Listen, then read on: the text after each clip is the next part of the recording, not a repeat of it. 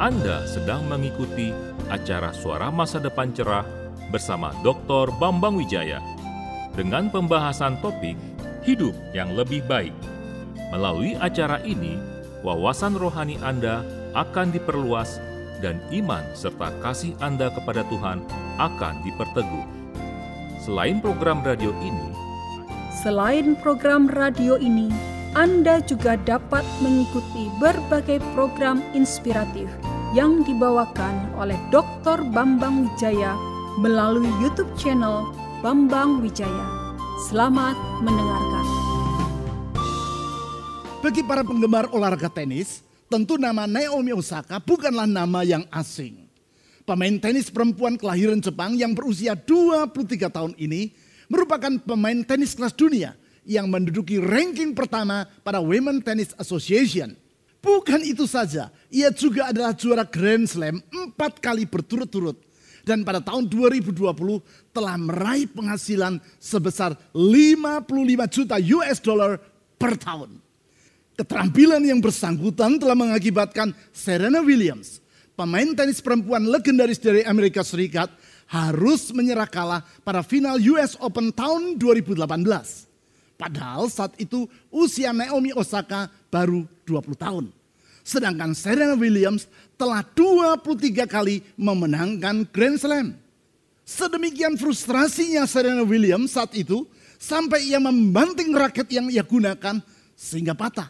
Kebetulan saat itu saya dan istri saya menyaksikan peristiwa tersebut. Tentu melalui pesawat televisi.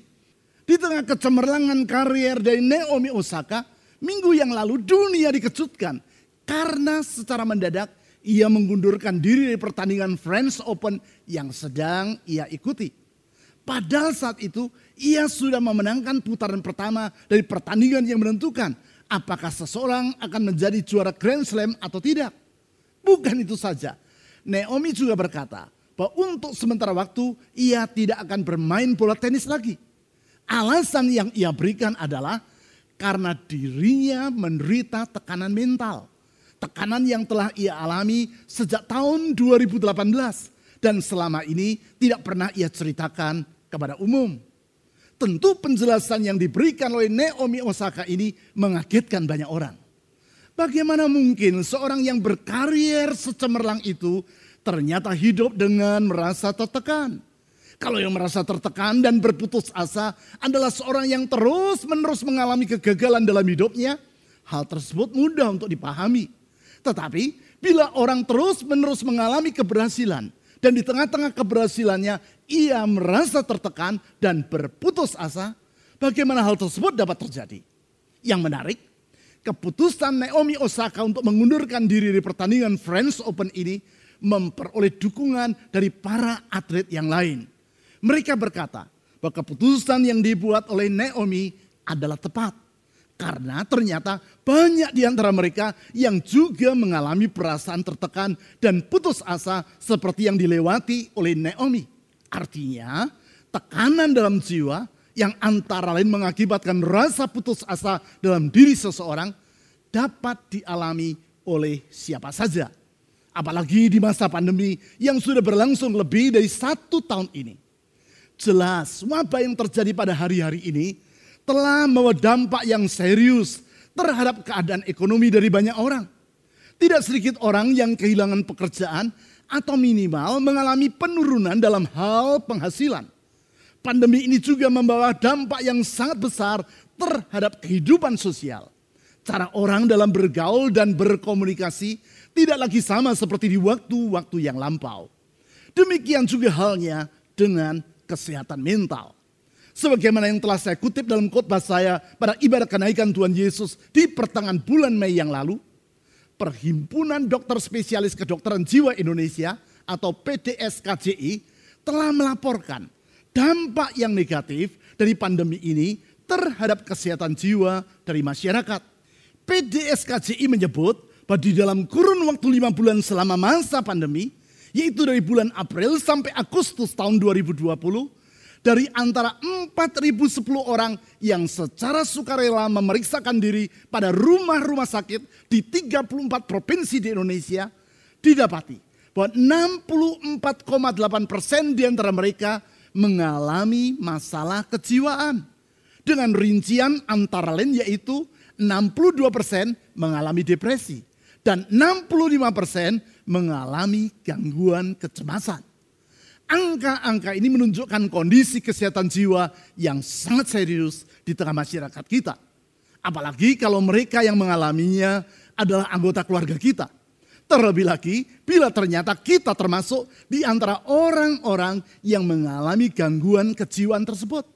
Bukan saja kondisi ini akan mempengaruhi kinerja kita, tetapi juga akan berdampak pada kesehatan jasmania serta relasi sosial dalam kehidupan kita.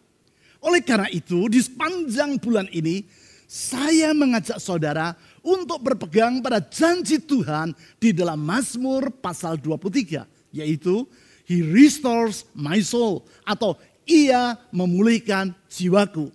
Ia, yaitu Allah, bersedia menyegarkan kembali jiwa kita. Bukankah janji Tuhan ini sangat diperlukan oleh banyak orang pada hari-hari ini? Jiwa yang dipulihkan, semangat yang dibaharui, dan keteduhan hati yang dialami kembali sangatlah didambakan oleh banyak orang.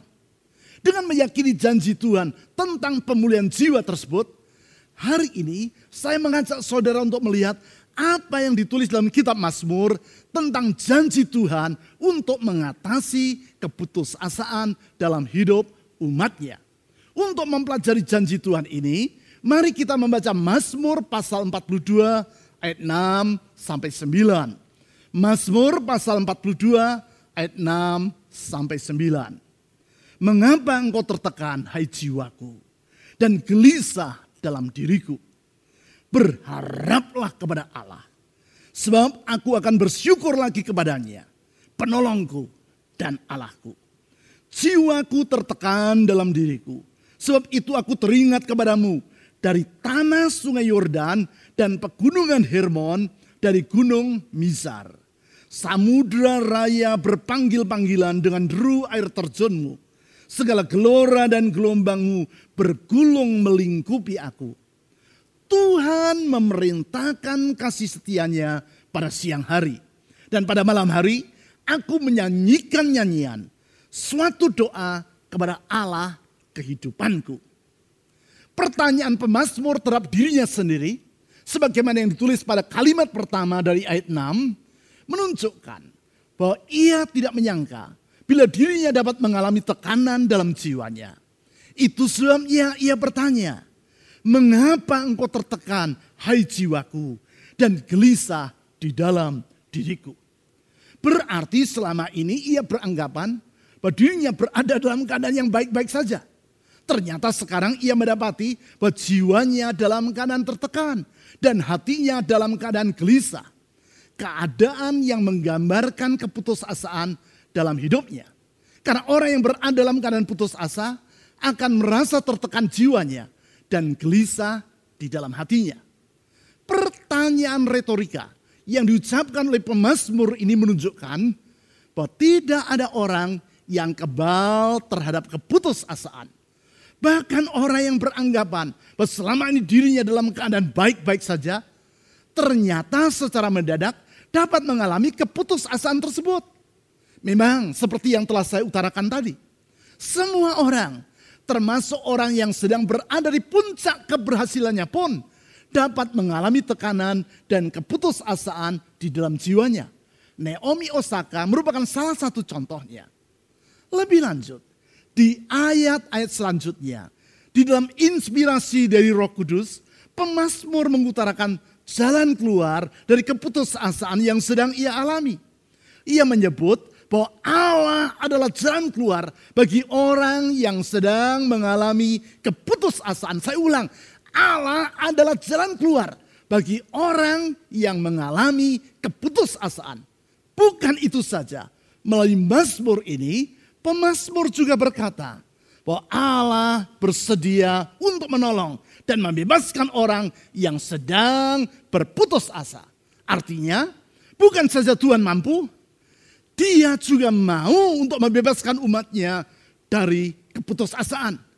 Untuk itu, di dalam ayat-ayat yang telah kita baca tadi, Tuhan melalui pemazmur menjelaskan tiga langkah yang perlu dilakukan oleh orang yang sedang berputus asa agar mereka mengalami pertolongannya. Sehingga dengan demikian mereka akan dibebaskan dari keputusasaan dan mengalami pemulihan dalam jiwa mereka. Ketiga langkah tersebut adalah yang pertama, berharaplah kepada Tuhan. Saya ulang, yang pertama, berharaplah kepada Tuhan. Hal ini diutarakan oleh pemazmur pada kalimat kedua dari ayat 6. Yaitu secara to the point, ia berkata sebagai berikut. Mazmur pasal 42 ayat 6 kalimat kedua. Berharaplah kepada Allah. Instruksi pemazmur kepada dirinya sendiri ini menunjukkan kesadarannya tentang alasan mengapa jiwanya tertekan atau ia hidup dalam keputusasaan. Yaitu karena selama ini tanpa sadar ia telah berharap kepada yang lain dan bukan kepada Allah. Kepada yang lain, baik kepada dirinya sendiri, orang lain maupun kepada keadaan di sekitarnya. Sekarang ia menyadari bahwa ternyata semua itu yaitu semua yang bukan Allah tadi tidak dapat diandalkan secara sepenuhnya. Memang ada hal-hal tertentu pada diri kita yang dapat kita andalkan. Demikian juga untuk hal-hal tertentu orang lain dan keadaan di sekitar kita dapat kita harapkan. Tetapi tidak selalu. Ada kalanya dapat diandalkan dan di waktu-waktu yang lain ternyata semua itu tidak dapat menjadi sandaran kita dan ketika kita dapati bahwa ternyata apa yang kita harapkan tidak menjadi kenyataan, di saat itu kita menjadi kecewa dan berputus asa. Itulah yang membedakan antara berharap kepada Allah dengan kepada manusia. Apabila Tuhan senantiasa dapat diandalkan, tidak demikian halnya dengan manusia. Apabila Tuhan berjanji, ia pasti sanggup untuk melaksanakan janjinya dan setia kepada apa yang ia ucapkan. Tetapi tidak demikian halnya dengan manusia. Manusia kalau berjanji belum tentu mampu melaksanakan janjinya. Kalaupun mampu, belum tentu ia setia kepada apa yang ia janjikan. Hal itulah yang dialami oleh seorang kenalan saya. Seorang hamba Tuhan yang pada zamannya sering menyelenggarakan berbagai seminar di Indonesia.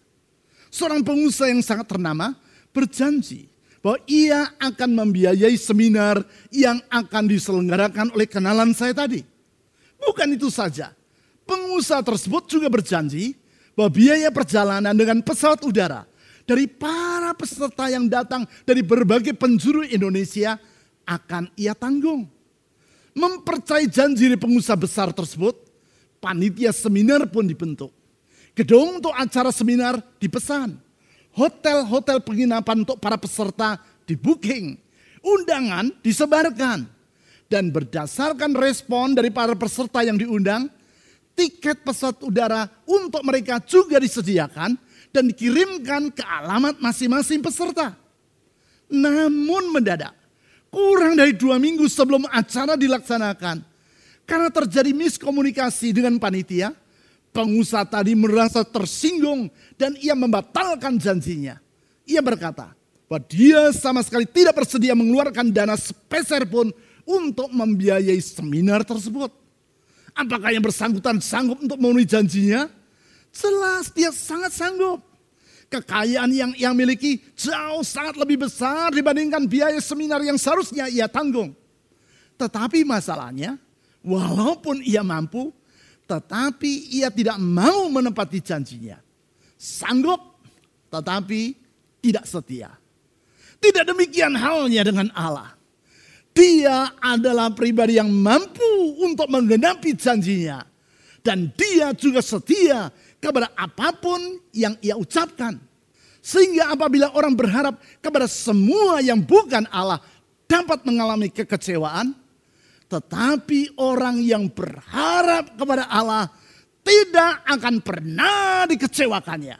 Oleh karena itu, pernyataan dan nasihat pemazmur terhadap dirinya sendiri adalah sangat tepat. Yaitu berharaplah kepada Allah. Saya ulang, berharaplah kepada Allah. Dan saudara tidak akan pernah dikecewakannya. Lebih lanjut, langkah kedua untuk mengalami pertolongan Tuhan ketika saudara berputus asa adalah bersyukurlah kepada Tuhan. Saya ulang, bersyukurlah kepada Tuhan. Hal ini dikemukakan oleh pemazmur di dalam kalimat ketiga dari ayat 6, yaitu Mazmur pasal 42 ayat 6 ayat ketiga. Sebab aku akan bersyukur lagi kepadanya. Penolongku dan Allahku. Tidak akan bersyukur atau memuji Tuhan. Seperti yang menjadi niatan pemazmur ini. Merupakan suatu ungkapan iman. Iman. Yaitu percaya bahwa Tuhan adalah penolong dan pribadi yang kuasanya tidak terbatas. Itulah yang diutarakan oleh pemazmur dalam kalimat ketiga di ayat 6 tadi. Di situ ia menjelaskan kepada siapa ia menaikkan ucapan syukurnya. Yaitu kepada Tuhan yang adalah penolong dirinya serta yang adalah Allahnya. Di sini ia menyebut Allah sebagai Elohim yang antara lain berarti pribadi yang maha kuasa. Artinya pemazmur percaya bahwa Tuhan adalah pribadi yang sanggup menolong dirinya karena kuasa Tuhan tidak terbatas. Oleh karena itu pemazmur bersyukur kepada Tuhan. Memang ucapan syukur yang kita utarakan akan mengubah suasana hati kita. Karena sadar atau tidak sadar, kata-kata yang kita ucapkan memiliki pengaruh yang sangat besar terhadap orang yang mendengarnya. Semakin kita mempercayai kata-kata tersebut, semakin besar pengaruhnya terhadap diri kita. Tidaklah mengherankan di zaman sekarang peranan dari buzzer di media sosial sangatlah marak. Karena apa yang mereka katakan secara beramai-ramai, kalau terus menerus diucapkan, sedikit banyak akan mempengaruhi pola pikir dan pandangan masyarakat. Semakin orang mempercayai apa yang ditulis oleh para buzzer itu, semakin besar pengaruh dari kata-kata yang mereka ucapkan terhadap orang yang membacanya. Apabila kata-kata yang diucapkan oleh orang lain memiliki pengaruh yang besar terhadap diri kita, apalagi kalau kata-kata tersebut kita ucapkan sendiri, tentu pengaruhnya akan lebih besar lagi. Semakin kita sering mengucapkannya, semakin lebih besar pengaruhnya terhadap diri kita. Itu sebabnya di dalam Amsal pasal 18 ayat 21 ditulis sebagai berikut. Amsal pasal 18 ayat 21 hidup dan mati dikuasai lidah. Siapa suka menggemakannya akan memakan buahnya.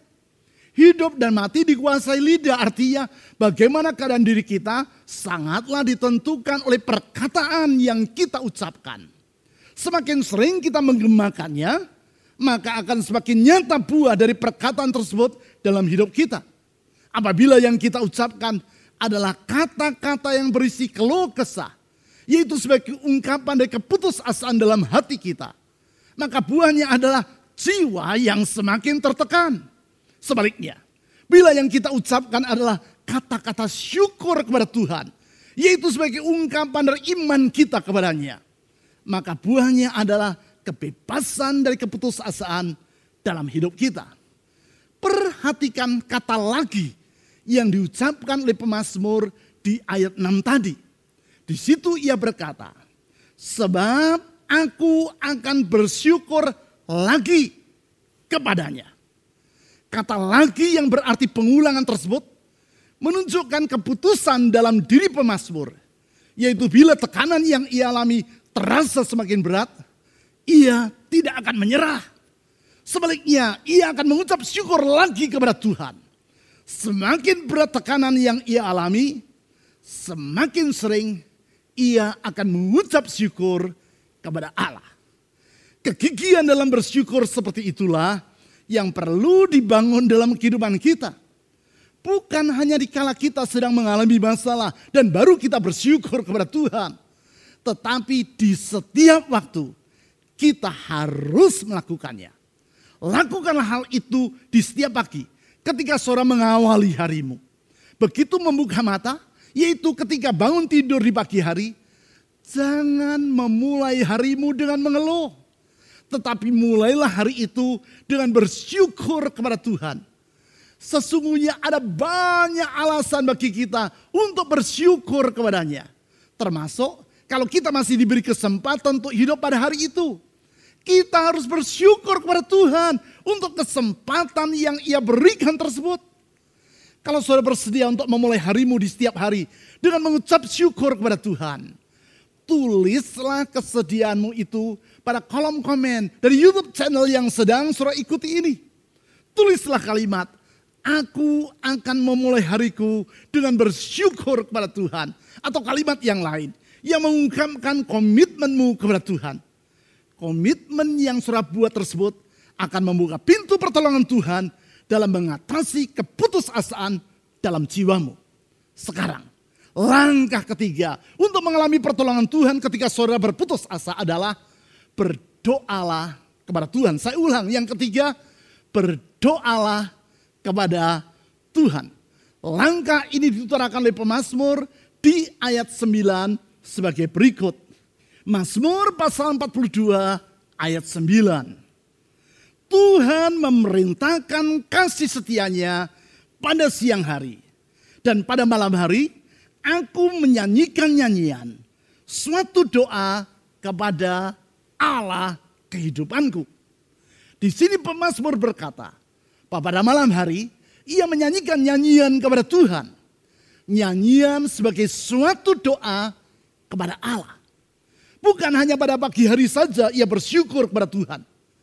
Tetapi juga di malam hari ia mengangkat hatinya kepada Allah dalam nyanyian dan doa bukan di malam hari.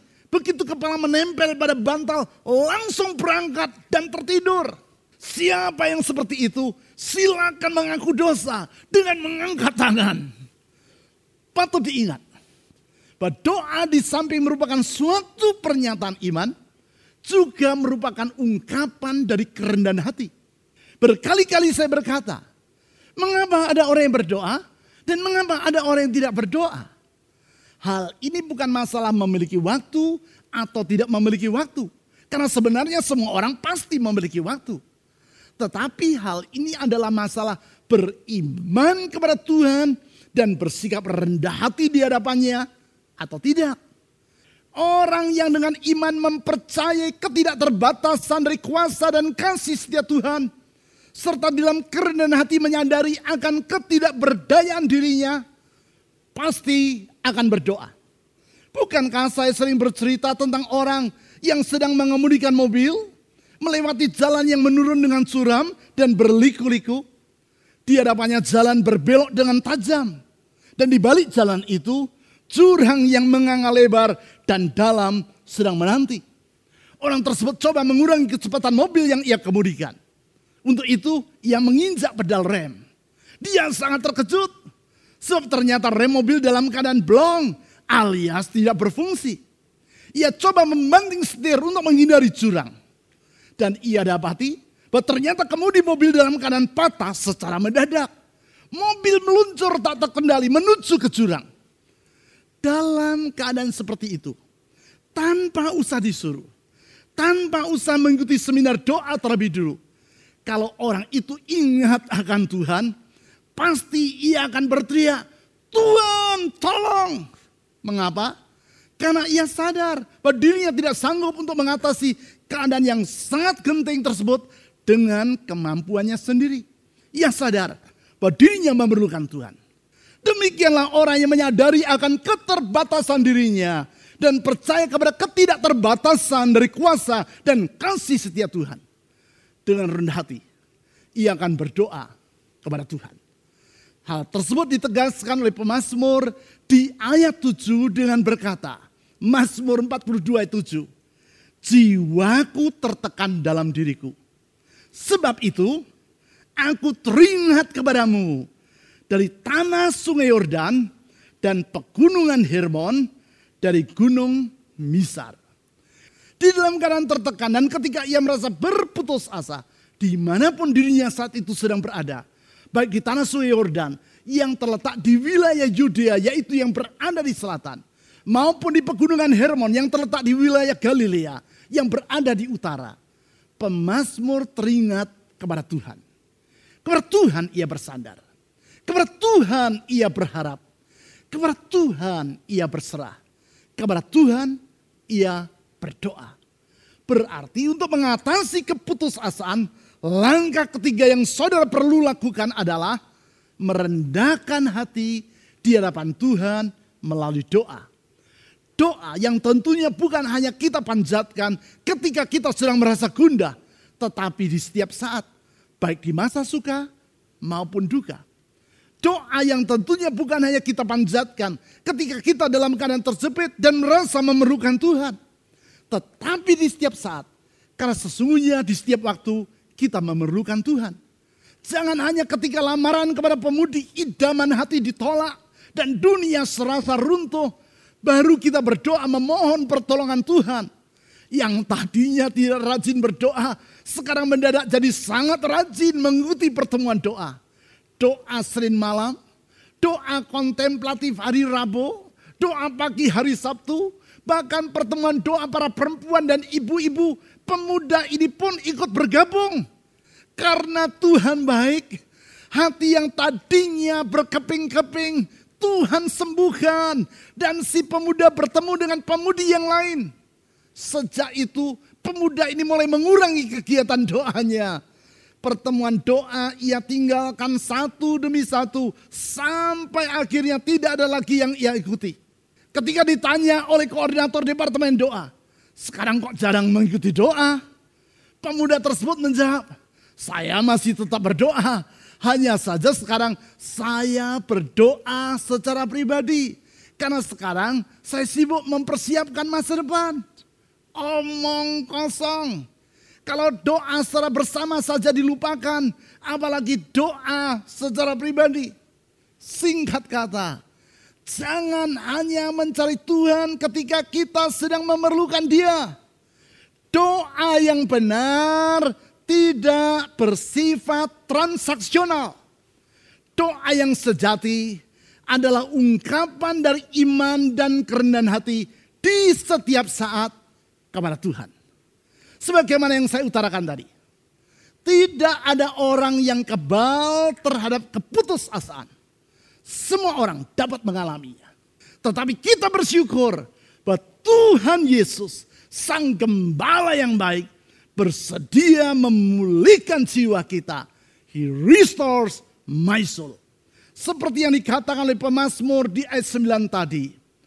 Tuhan memerintahkan kasih setianya pada siang hari. Artinya, apabila kita mengambil tiga langkah sebagaimana yang ditulis di dalam Mazmur pasal 42 ayat 6 sampai 9, yaitu berharap, bersyukur, dan berdoa kepada Tuhan, maka semuanya itu tidaklah akan sia-sia. Di dalam kasih setianya, Tuhan bersedia menolong dan menyegarkan jiwa kita. Pertanyaan saya sekarang, ketika saudara sedang berputus asa, kepada siapa saudara teringat dan berharap? Kalau saudara teringat dan berharap kepada manusia, engkau akan semakin berputus asa. Tetapi kalau saudara teringat dan berharap kepada Tuhan, dia tidak akan pernah mengecewakan dirimu. Tuhan Yesus dapat diandalkan. Kasih setianya telah ditunjukkannya melalui pengorbanannya sampai mati di kayu salib. Melalui pengorbanannya itu, ia membebaskan kita dari masa lalu yang kelam dan mementangkan masa depan yang baru dan gemilang. Bukan itu saja. Ia juga bersedia untuk menyertai dan menuntun hidup kita di segala keadaan. Pengorbanannya yang sebentar akan kita ingat dan rayakan dengan mengambil bagian dalam perjamuan kudus. Melaluinya kita mengucap syukur kepada Tuhan dan mengangkat iman kita kepadanya. Kita yakin pengharapan, ucapan syukur, dan doa kita kepada Tuhan Yesus tidak akan pernah diabaikannya. Mari kita berdoa. Tuhan Yesus, kepadamu kami berharap. Tuhan Yesus, kepadamu kami bersyukur karena engkau penolong kami. Allah kami yang kuasanya tidak terbatas. Dan kasih setianya tetap untuk selama-lamanya. Tuhan Yesus kepadamu kami berdoa. Memohon uluran tanganmu yang memulihkan. Mengangkat beban dalam jiwa. Mengangkat setiap tekanan yang menekan jiwa. Karena di dalam engkau ada kelepasan. Karena firmanmu berkata kalau anak itu yaitu engkau melepaskan kami. Maka kami sungguh-sungguh merdeka. Di dalam engkau ada kemerdekaan yang sejati. Tuhan Yesus. Ulurkan kasih setiamu. Sama setiap orang yang memanggil namamu dengan kuasa rohmu. Yang memerdekakan itu. Saya berkata setiap kuk dan gandar yang menekan dipatahkan dalam nama Yesus. Setiap tekanan dalam jiwa dipatahkan dalam nama Yesus. Aku katakan kuasa Tuhan tidak pernah berubah. Di dalam dia ada pengharapan. Di dalam Yesus ada pengharapan. Di dalam Yesus Kristus Tuhan ada pengharapan. Tuhan saya menyerahkan anak-anakmu ke dalam tanganmu. Ulurkan tanganmu yang menyembuhkan dan memulihkan membuka jalan tepat pada waktunya. Karena engkau setia dan kesetiaanmu tidak pernah berubah untuk selama-lamanya. Kepadamu ya Tuhan Yesus, kami menyerahkan diri dan masa depan. Dan kepadamu kami memohon di dalam nama di atas segala nama. Nama Yesus Kristus Tuhan dan Juru Selamat yang hidup. Amin.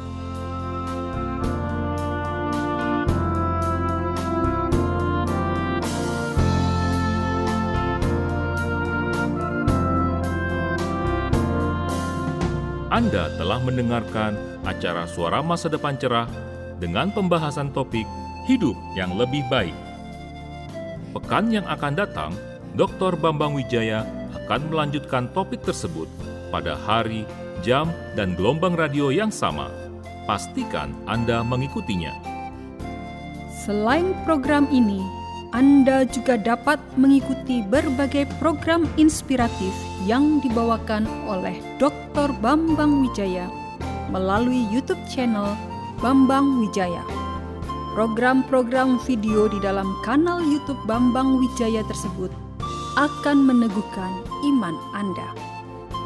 Bila Anda ingin menghubungi Dr. Bambang Wijaya, silahkan Anda menghubunginya melalui WA ke nomor telepon 0811 309 077. Sampai berjumpa pada pekan yang akan datang. Tuhan memberkati.